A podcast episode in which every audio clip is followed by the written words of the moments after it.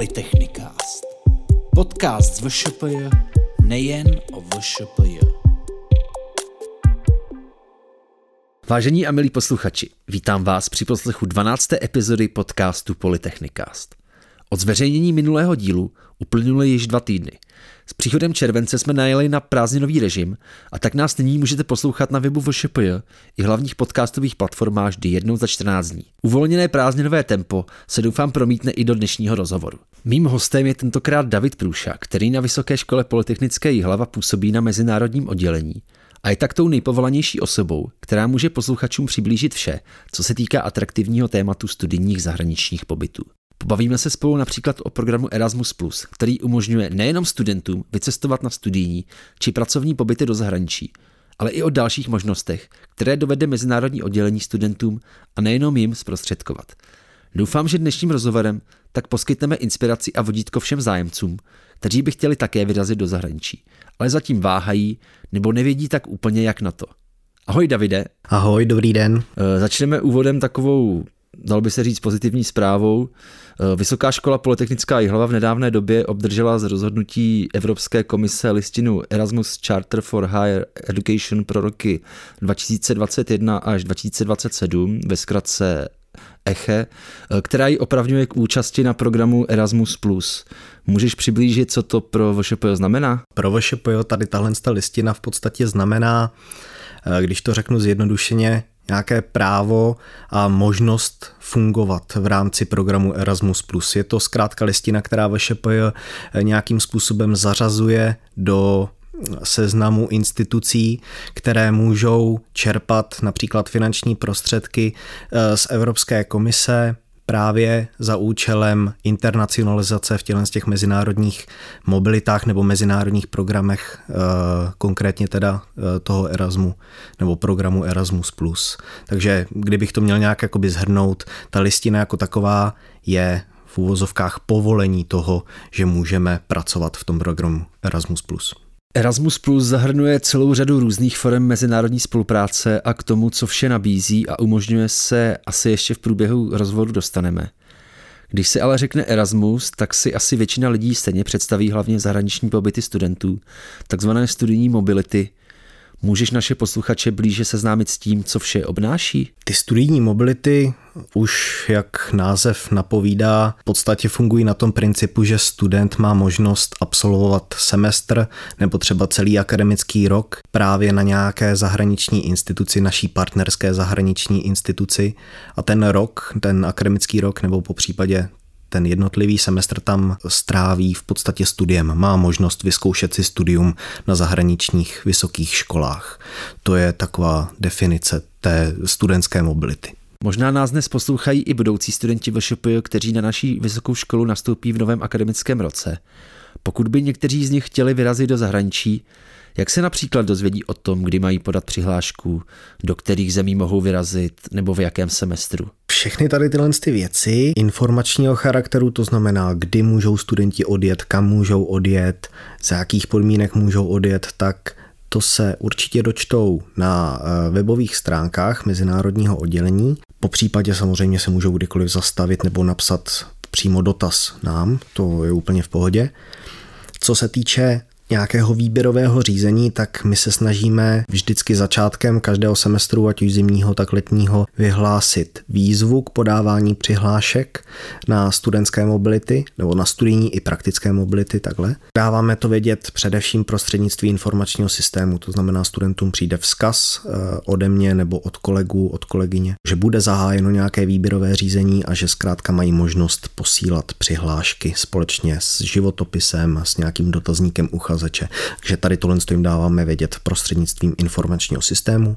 Teď nově bychom jim to už mohli být eh, schopni dávat vědět prostřednictvím Facebooku i prostřednictvím Instagramu ale nejvíc asi v co doufám, že už bude možné nějak nějaká eh, fyzická interakce, když to tak jakoby řeknu s těmi studenty, protože dřív se nám osvědčilo asi nejvíc, že studenti vlastně odpovídali na to výběrové řízení po té, co jsme prováděli různé prezentace a různé takové akce, kdy jsme navštěvovali třeba přednášky a dávali jsme tam vědět těm studentům, ať už těm, kteří tady začali začali druhým ročníkem, nebo těm, kteří začali teprve v prvním ročníku, tak zkrátka jsme navštívili nějakou přednášku a tam jsme jim dávali vědět o tom, co se vlastně připravuje, dávali jsme jim tam vědět právě o té možnosti přihlásit se, ale celkově jsme jim tam podávali informace o tom, že na VŠP existuje nějaké mezinárodní oddělení, že to mezinárodní oddělení se zabývá právě tím Erasmem, především tedy studentskými mobilitami a pracovními mobilitami. Tohle to doufám, že se od následujícího akademického roku v případě, že nás nezavřou, tak že se to bude moct dělat dál, protože nás to strašně bavilo. Kromě toho, že fungujete jako takový informační zdroj pro studenty, co dalšího dovede mezinárodní oddělení studentům zprostředkovat a s čím vším jim může pomoct? Tak naší prácí je primárně zařídit to, aby ta mobilita studentů, ať už mobilita studijní nebo mobilita pracovní, byla nějakým způsobem nebo odpovídala nějakým způsobem podmínkám a požadavkům, eh, které jsou stanoveny právě v eh, podmínkách realizace Erasmu, asi takhle bych to řekl.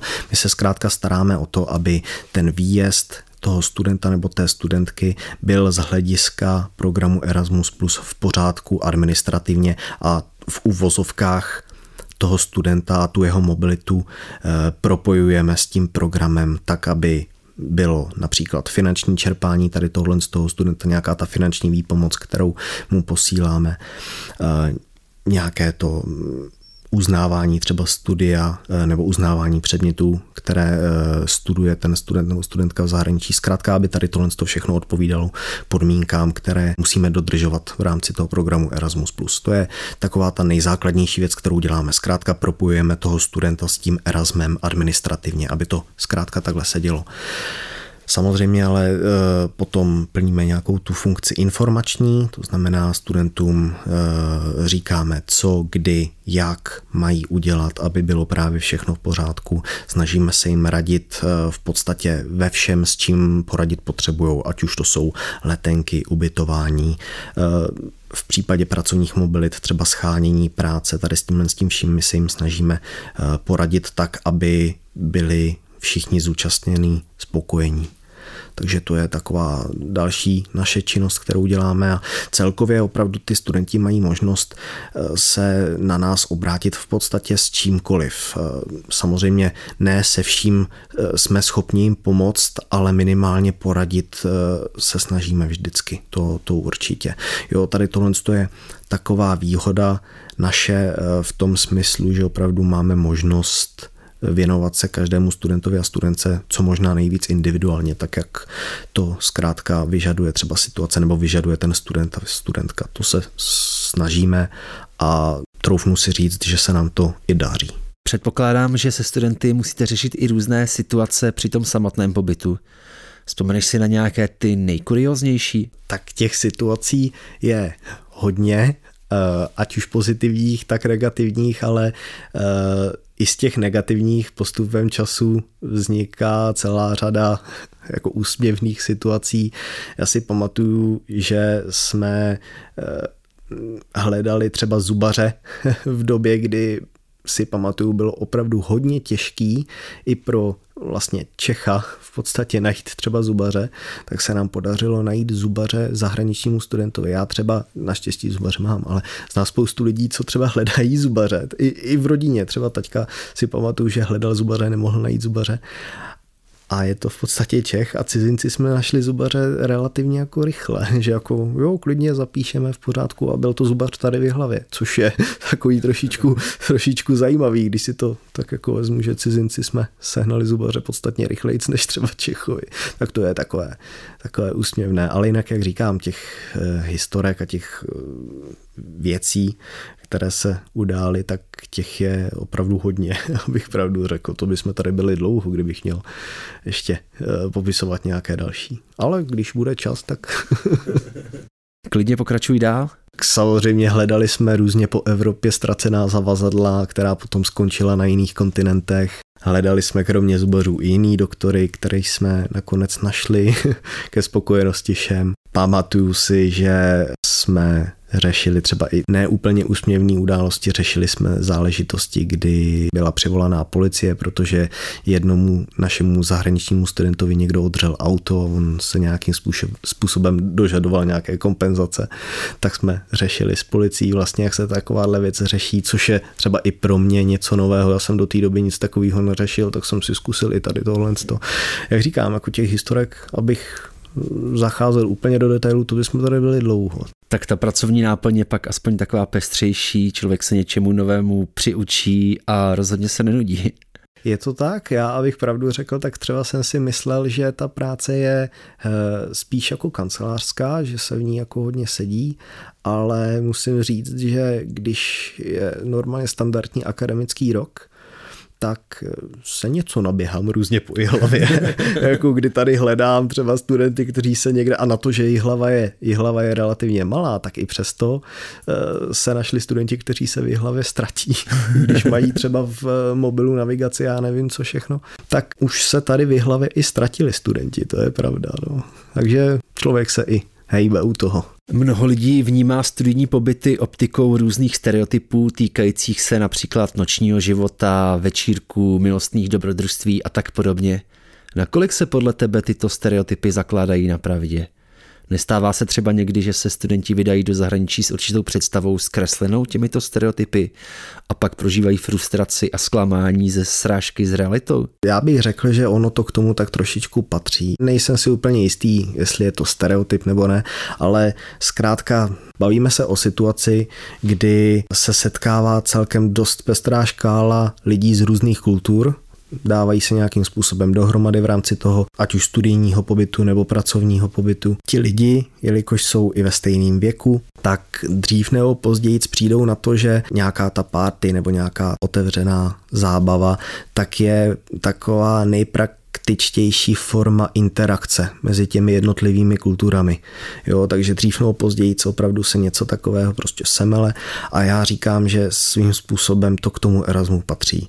Nicméně jsem zastánce toho, že ať už se bavíme o mobilitě pracovní nebo mobilitě studijní, tak vždycky ten student nebo studentka odjíždí na tu mobilitu s nějakým primárním cílem a buď to tím primárním cílem je studium anebo práce.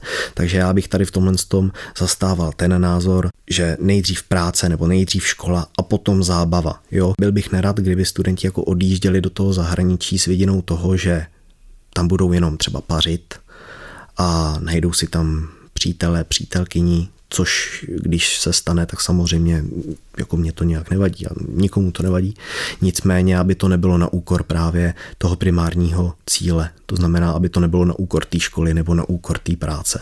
Jo, protože ten student tam přece jenom jede za něčím jiným, než jenom vyloženě za zábavou. Kromě toho, že jsi v kontaktu se studenty během příprav a následně během samotného pobytu zůstáváš s nimi ve spojení i po jejich návratu do České republiky? Do určité chvíle i po tom návratu těch studentů, než se zkrátka vyřídí všechny administrativní kroky, které jsou nutné k tomu, aby byla ta mobilita, ať už pracovní anebo studijní formálně zakončena, tak do té doby jsem v kontaktu se všemi. Jo, a už během té doby se třeba bavíme o tom, jaké to bylo, jaké to nebylo.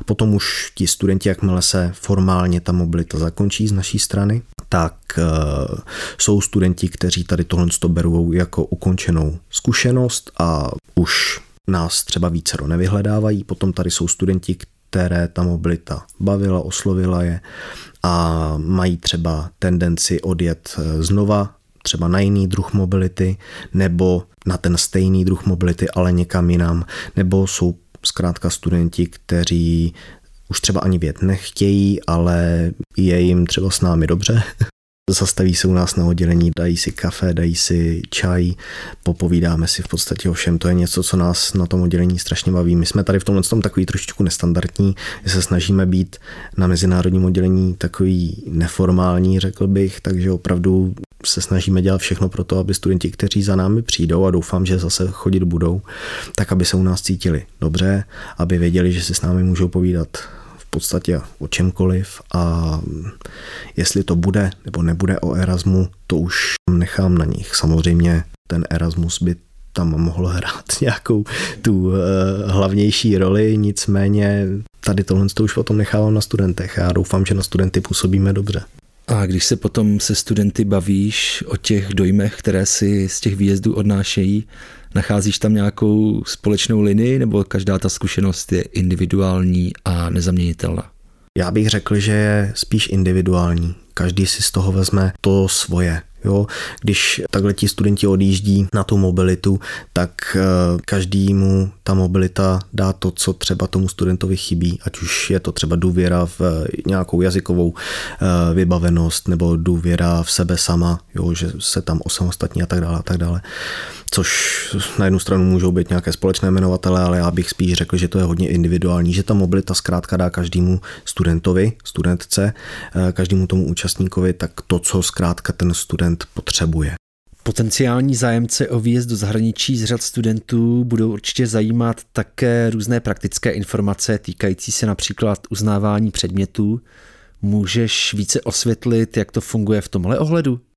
Tady se bavíme o uznávání předmětů jako ekvivalentních a uznávání kreditů v podstatě. Ten proces začíná ještě před samotným výjezdem do toho zahraničí. Funguje to tím způsobem, že pokud student jede na nějakou školu, tak si musí vytvořit nějaký řekněme, studijní plán, nějaký seznam předmětů, o kterých předpokládá, že v zahraničí bude studovat. Tady tyhle ty předměty, které teda doufá, že bude studovat, ono se to během studia samozřejmě může změnit, ale ty předměty, o kterých student nebo studentka předpokládá, že je bude studovat, tak eh, tady tyhle ty předměty prochází zkoumáním ekvivalence, to znamená, že sylaby těch předmětů v zahraničí se nějakým způsobem porovnávají s předměty, které jsou v doporučeném studijním plánu toho oboru, který ten student a studentka studují tady na VŠP. V případě, že se jedná o předměty shodné, tak eh, tady platí ekvivalentnost předmětu a v momentě, jakmile ten daný předmět, který je označený jako ekvivalent, je vystudovaný v zahraničí, je studentovi uznaný i tady na VŠP. V případě, že předmět nemá v doporučeném studijním plánu VŠP ekvivalent, tak se jedná o takzvaný volitelný předmět nebo zapsaný jako volitelný předmět a tím pádem se za tenhle ten předmět uznávají kredity. On se uznává i ten předmět, nicméně nemá se to s čím porovnat na VŠP, to znamená, studentovi je v informačním systému ten předmět označený jako volitelný a jsou mu započítány ty kredity, které si přiveze ze zahraničí. Takže funguje vlastně tady dvojí jakoby uznávání. Buď to se jedná o ekvivalentní předmět, anebo se jedná o volitelný předmět, za který se dostanou ty kredity.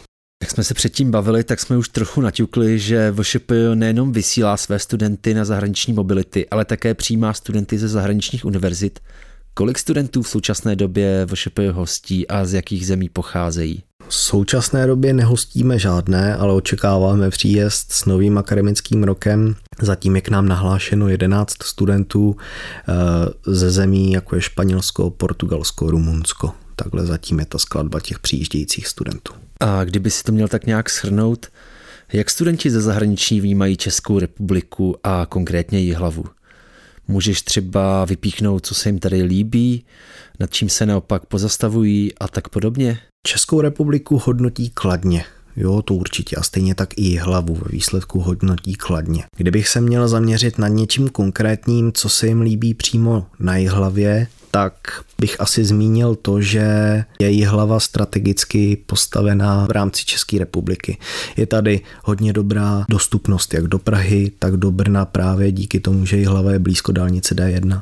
Stejně tak dobré jsou železniční spoje, takže zkrátka ta doprava z a do hlavy je eh, pro ty studenty v podstatě jako klíčová, protože oni v rámci toho svého pobytu tady, tak samozřejmě nejsou jenom v hlavě, oni jezdí různě po České republice a navštěvují města a místa, eh, které jsou pro ně zajímavá. Takže co se týče nějaké té dostupnosti dopravní, tak eh, to hodnotí hodně kladně, jako hlavu jako takovou. Zároveň ji hodnotí jako vysoce bezpečný město, že se tady zkrátka cítí dobře a potom jsou takové rozporuplné reakce jako na velikosti hlavy jako na takovou. Jsou tací, kterým eh, velikosti hlavy vyhovuje, že není ani velká, ani malá, zkrátka taková jako akorát.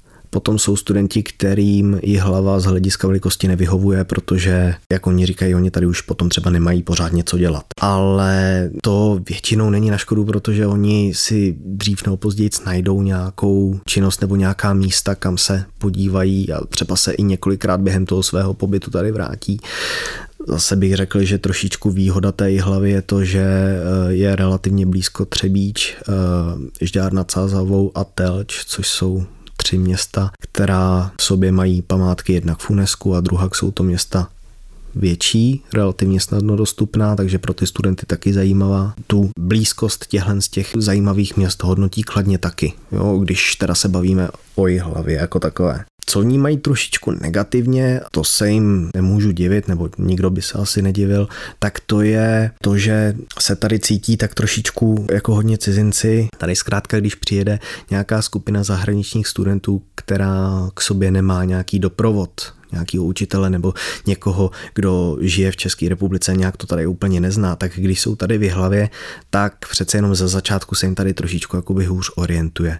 Tady úplně nefunguje to, že když zastavíte na ulici nějakého člověka a zeptáte se ho anglicky, jak se dostanu tam a tam, tak ten člověk vám neodpoví. Z tohohle z toho hlediska to chvilku trvá a ze začátku to možná na ty studenty působí tak trošičku jakoby negativně, že ta přístupnost hlavy jako takové pro lidi ze zahraničí je mm, z jejich pohledu taková trošičku, jako oni říkají, chudší, jo, že jim tady třeba chybí, dejme tomu ukazatele v angličtině. Čas od času prostě se pozastavují nad tím, že i mladí lidi, samozřejmě ne všichni, jo, je to výjimka, ale pozastavují se nad tím, že zastaví třeba mladého člověka, který ale nemluví anglicky. Nebo se dostanou do obchodu, kde nikdo nemluví anglicky. Vrcholem tady tohohle z toho, tak u toho jsem byl i já přítomen, což bylo takové trošku zajímavé, ale byli jsme tady na, eh, v turistickém informačním centru v hlavě. Tam seděla slečna, řekl bych mého věku, v turistickém informačním centru, která ale nedokázala mluvit anglicky, což mně přijde jako ne úplně dobrá vizitka, když tak jako řeknu, i na takovém místě, jako je turistické informační centrum, když zkrátka já musím překládat našim zahraničním studentům, jak se dostanou kam a co tam můžou dělat a tak dále a tak dále, tak to zkrátka ty studenti vnímají trošičku negativně. Je teda pravda, že tady tahle situace se odehrála, řeknu třeba tři a půl roku zpátky, ale je to něco, co ti studenti jako nevnímají úplně jako, jako pozitivně, alespoň ze začátku. No. Potom už si samozřejmě zvyknou na ten chod, na ten život a postupem času, jak zkrátka tady studují, tak se dostávají víc a víc do kontaktu třeba s našimi studenty na VŠP s těmi už se potom nějakým způsobem tímhle s těmi situacemi tak jako protloukají v pohodě, ale ten začátek zkrátka je eh, tady v tomhle tom smyslu trošičku jako negativní. No. Teď jsme se bavili víceméně o těch studijních pobytech. A to je to, co si asi většina lidí pod pojmem Erasmus představí. Už asi méně lidí ale ví, že v rámci programu Erasmus Plus mohou vyrazit na pracovní stáže také zaměstnanci vysokých škol, ať už z řad pedagogů nebo i nepedagogických pracovníků. Můžeš naše posluchače blíže seznámit s těmito možnostmi? Přes naše oddělení tak máme dvě možnosti, jak takhle zaměstnance vyslat do zahraničí. První tou možností tak je takzvaný training, překládá se to jako školení, a potom je eh, možnost výjezdu na takzvaný teaching, což je výuka. Když eh, se teď zaměřím víc na ten training, na to školení, tak v rámci tréninkových mobilit, takhle o nich budu mluvit, tak můžou vyjet podstatě všichni zaměstnanci vysoké školy. V rámci toho tréninku oni můžou vyjet, dalo by se říct, kamkoliv, do jakékoliv instituce. Nemusí to být nutně vzdělávací instituce, může to být soukromá instituce zahraniční. Není tam podmínkou toho, že aby pracovníci e, vysoké školy mohli odjet v rámci toho tréninku někam, tak přijímací instituce musí být držitelem té listiny ECHE. Tady v tomhle tom případě tomu tak není. V rámci té mobility teaching tam už je žádoucí, aby přijímací organizace měla eh, nebo byla držitelem eh, té listiny ECHE. Z pravidla to je vždycky nějaká vzdělávací organizace, to znamená nějaká škola nebo nějaké vzdělávací centrum. Ale tady tohle jsou v podstatě dvě možnosti, jak se můžou i zaměstnanci vysoké školy dostat do zahraničí právě přes program Erasmus+. Ta škála zemí, kam mohou zájemci vyrazit, je poměrně široká. Nejsou tam jenom země Evropské unie, ale i další partnerské země. Jsou eh, jednak země Evropské unie, potom je Evropský hospodářský prostor, v rámci tady tohle z toho území, tak můžeme vysílat a, a přijímat. Podmínky vlastně pro přijetí i vyslání studentů tak se liší právě od uh, druhu mobility, o který by se v jednotlivých případech mluvilo. Uh, v případě, že by se jednalo o mobilitu studijní, tak je nutné, aby ta instituce, na kterou by jsme studenta poslali, ať už v rámci EU nebo v rámci toho evropského hospodářského prostoru posílali, tak je nutné, aby ta přijímací instituce opět byla držitelem ECHE. Pokud eh, se bavíme o pracovní mobilitě, tak tam eh, nutnost drž, eh, držení té listiny ECHE pro tu, vysílající, pro tu přijímací organizaci není. Takže co se týče nějak toho území, teď jsem se možná trošičku dostal do jiného směru, co se týče toho území, tak eh, my se soustředíme na Evropskou unii a na spolupráci v evropském hospodářském prostoru. Vnímáš třeba, že by některá z těch zemí byla mezi zájemci více oblíbená? Jednoznačně máme velkou poptávku ze strany studentů o Portugalsko. To je opravdu hodně oblíbená destinace a poslední době tak registrujeme hodně rostoucí zájem o Španělsko. Takže uh, u studentů, řekl bych, v současné době převládá spíš uh, ta jižní část Evropy. Ať už je to z důvodu toho, že tam je no teď v současné době třeba i chladnějc, nebo uh, kvůli tomu, že tam je moře, těžko říct. Je pravdou, že ať už s univerzitami ve Španělsku, tak v Portugalsku, tak jako v ŠP máme nadstandardní vztahy, právě kvůli tomu, že z těchto z těch zemí nám primárně přijíždějí ty studenti. Stejně tak my tam posíláme studenty, takže spolupráce s těmi, s těmi dvěmi zeměmi je, řekl bych, nejčastější v poslední době. Kromě zahraničních pobytů zajišťovaných v programu Erasmus+, nabízí Vysoká škola Polytechnická Jihlava také možnost vyjet do zahraničí v rámci projektu International Business Week, ve zkratce IBV. O co přesně se jedná? V takovém případě se jedná o kratší týdenní pobyty v zahraničí, eh, na které nepracujeme eh, přímo jenom my jako mezinárodní oddělení, ale eh, do tohohle z toho už se přidává i spolupráce s jednotlivými oborovými katedrami.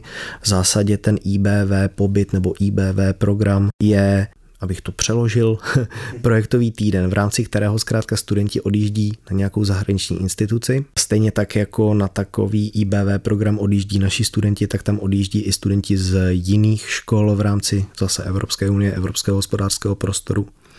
Ti studenti, kteří se do toho zahraničí, do té eh, země, do té instituce, která IBV program pořádá, tak ti studenti, kteří se tam dostanou, jsou rozděleni do pracovních skupin a v rámci těch pracovních skupin tak zpracovávají nějaký projekt, který je většinou zadaný nějakou firmou, nějakou institucí, organizací, která má k té škole, která to IBV pořádá nějak blízko. Jo? Ať už z hlediska vzájemné spolupráce, praktické, výukové. Ale zkrátka IBV jako takový tak je projektový týden, kdy se studenti v různých mezinárodních týmech snaží co možná nejvíc a, a nejlíp zpracovat nějaký projekt na nějakou tématiku. Tady tenhle ten projekt potom prezentují většinou nějakým zástupcům té firmy eh, nebo té organizace, která si zadává vlastně zpracování tady tohle z toho projektu. Je to svým způsobem i forma takové, jak bych řekl, i soutěže možná. Už jsme to asi trochu naťukli i předtím. Do činnosti mezinárodního oddělení v minulém roce výrazně zasáhla pandemie koronaviru a museli jste tak řešit věci, které jste si předtím asi ani nedovedli představit. Co vše se pro vaše oddělení změnilo? Asi pravděpodobně se pro nás změnil hlavně přístup k tomu, jakým způsobem podáváme informace, jakým způsobem jakoby pracujeme. My jsme byli zvyklí, jak říkám, už jsem to tady zmínil i předtím, máme hodně oblíbenou možnost předávat informace, pokud možno ústně fyzicky, že se s těmi lidmi potkáváme, že se s nimi bavíme. V době covidu když byla třeba škola zavřena, ale přesto jsme měli eh, třeba výběrová řízení, tak jsme se museli trošičku přechýlit na tu komunikaci v online prostředí, na tu digitální komunikaci a elektronickou komunikaci, čímž nechci říkat, že bychom to do té doby nedělali. Ale jak říkám, jako pro nás v případě, že jsme s, e, nějakým způsobem snažili dávat e, do povědomí studentů e, existenci mezinárodního oddělení a existenci Erasmu na VŠP, tak jsme se to snažili dělat primárně vždycky osobně, aby zkrátka ti studenti věděli, kdo jsme, co děláme, že jsme prostě lidi z masa a kostí, že se nás nemusí bát a tak dále a tak dále. Tohle je asi nejvíc, co nám tu práci tak jakoby ovlivnilo, no, že jsme víc začali komunikovat elektronicky. V době výběrového řízení tak jsme prováděli výběrové pohovory online přes Zoom, přes Microsoft Teams, což bylo takové zvláštní, no, abych pravdu řekl. Já jsem byl vždycky zvyklý na tom, že ten student zkrátka k nám přišel, že jsme si tak nějak povídali face to face ta omezení spojená s pandemí zasáhla do všech sfér života poměrně nečekaně, rychle a razentně. Předpokládám, že v té době muselo být mnoho našich studentů v zahraničí a naopak zahraniční studenti zase byli zde na naší vysoké škole. Jak jste řešili ty situace spojené s návratem do těch domovských zemí? Bylo to hodně operativní, šlo to hodně rychle, ale musím říct, že jsme to aspoň za mě teda zvládli všechno tak, jak jsme zvládnout měli. Je pravda, že to prostě přišlo hodně rychle, celá ta situace s tím, jak se uzavíraly hranice, eh, státy v Evropské unii se rozřazovaly v rámci nějakých semaforů na rizikové, méně rizikové, více rizikové a tak dále a tak dále. My jsme potom nějakým způsobem hledali nějaký cesty těch studentů, protože samozřejmě byli studenti, kteří se chtěli vrátit domů, nechtěli prostě tu pandemii strávit v zahraničí. Někdy to třeba ani nešlo, že zkrátka jim bylo nařízeno vrátit se. Museli jsme hledat poměrně rychle nějakou cestu, jak ty studenty dostat třeba domů v případě, že opravdu museli odcestovat z té země do země původu. Jestli to není úplně osobní otázka, jak ty sám si se vlastně dostal k práci na mezinárodním oddělení VŠPJ? Lákal tě už předtím kontakt s tou mezinárodní sférou? Já jsem k tomu přišel víceméně náhodou. S mezinárodním oddělením jako takovým věděl jsem, že existuje na VŠP, protože jako student, když jsem tady studoval, tak jsem věděl, že tady mezinárodní oddělení je. Nicméně v době, kdy jsem ještě já studoval, tak byly v platnosti podmínky, které mě tou dobou eh, znemožňovaly účastnice Erasmu. Tam byly podmínky, že účastník musí splňovat eh, nějaký průměr třeba, což já jsem nesplňoval díky známkám, které jsem měl. Takže jsem o tuhle tu možnost přišel, ale s tím mezinárodním oddělením jsem furt tak nějak jakoby koketoval, až mi najednou byla nabídnuta možnost vykonávat praxi na mezinárodním oddělení, tu jsem zahájil, absolvoval a před ním koncem tak eh, mi byl nabídnutý půl úvazek a potom už jsem tomu nechal volný průběh, až to šlo vlastně do situace, ve které jsem teďkom. A měl jsi během té doby, co tu pracuješ, už nějakou možnost vyrazit na zahraniční pobyt? Hned jak to šlo, tak jsem, jak jsem nebyl limitovaný, tak jsem věl. Byl jsem se podívat ve Finsku, byl jsem na Ukrajině, ale to je trošičku jakoby mimo. Teď jsme mluvili o tom evropském hospodářském prostoru Evropské unii, takže Ukrajina, tam jsem byl za jiným účelem. Ale eh, ano, snažím se využívat, nebo snažil jsem se využívat těch možností, jak to jenom jde. Teď nám to situace trošičku stěžuje, nicméně já doufám a pevně věřím, že jakmile to situace dovolí a trošičku se ty restrikce uvolní, tak eh, že zase vyrazím Určitě, těším se na to. A kam by se chtěl asi nejvíc podívat? Jak všichni naši studenti mluví o tom Portugalsku, tak bych se chtěl podívat do Portugalska. to potvrdit, že? Asi, asi tak. Já jsem se spíš primárně soustředil na to, že mě se vždycky líbily spíš severní země, to znamená to Finsko, Lotyšsko, Norsko a tak dále a tak dále. Takže spíš jsem vždycky jezdil tímhle s tím směrem, potom jsem začal trošičku koketovat se západní Evropou, ale teď si říkám, že bych se měl podívat i do toho Portugalska, třeba i do toho Španělska. A chystáš se třeba vyrazit i někam mimo své pracovní povinnosti v rámci své dovolené? Vyrazit se plánuju. vyrazit se neplánuju. plánuju. Plánuju si vyrazit někam, určitě. Zatím to plánuju po České republice. Máme s kamarády takový, řekněme, zavedený týden, no, takový prodloužený spíš víkend, kdy tak jako objevujeme krásy České republiky, ale rád bych se podíval i, jak říkám, k tomu moři, to určitě. Nicméně nevím, jestli to stihnu během, během prázdnin, ale v tomhle tom roce ještě určitě ano. Davide, já ti moc děkuji za rozhovor. No a doufám, že ti tvé plány brzo výjdou. Děkuju. Ahoj. Měj se hezky, ahoj. Děkuji samozřejmě i vám posluchačům za pozornost a těším se na vás při poslechu další epizody podcastu Polytechnicast, kterou vám přineseme za 14 dní ve středu 28. července. Tak naslyšenou.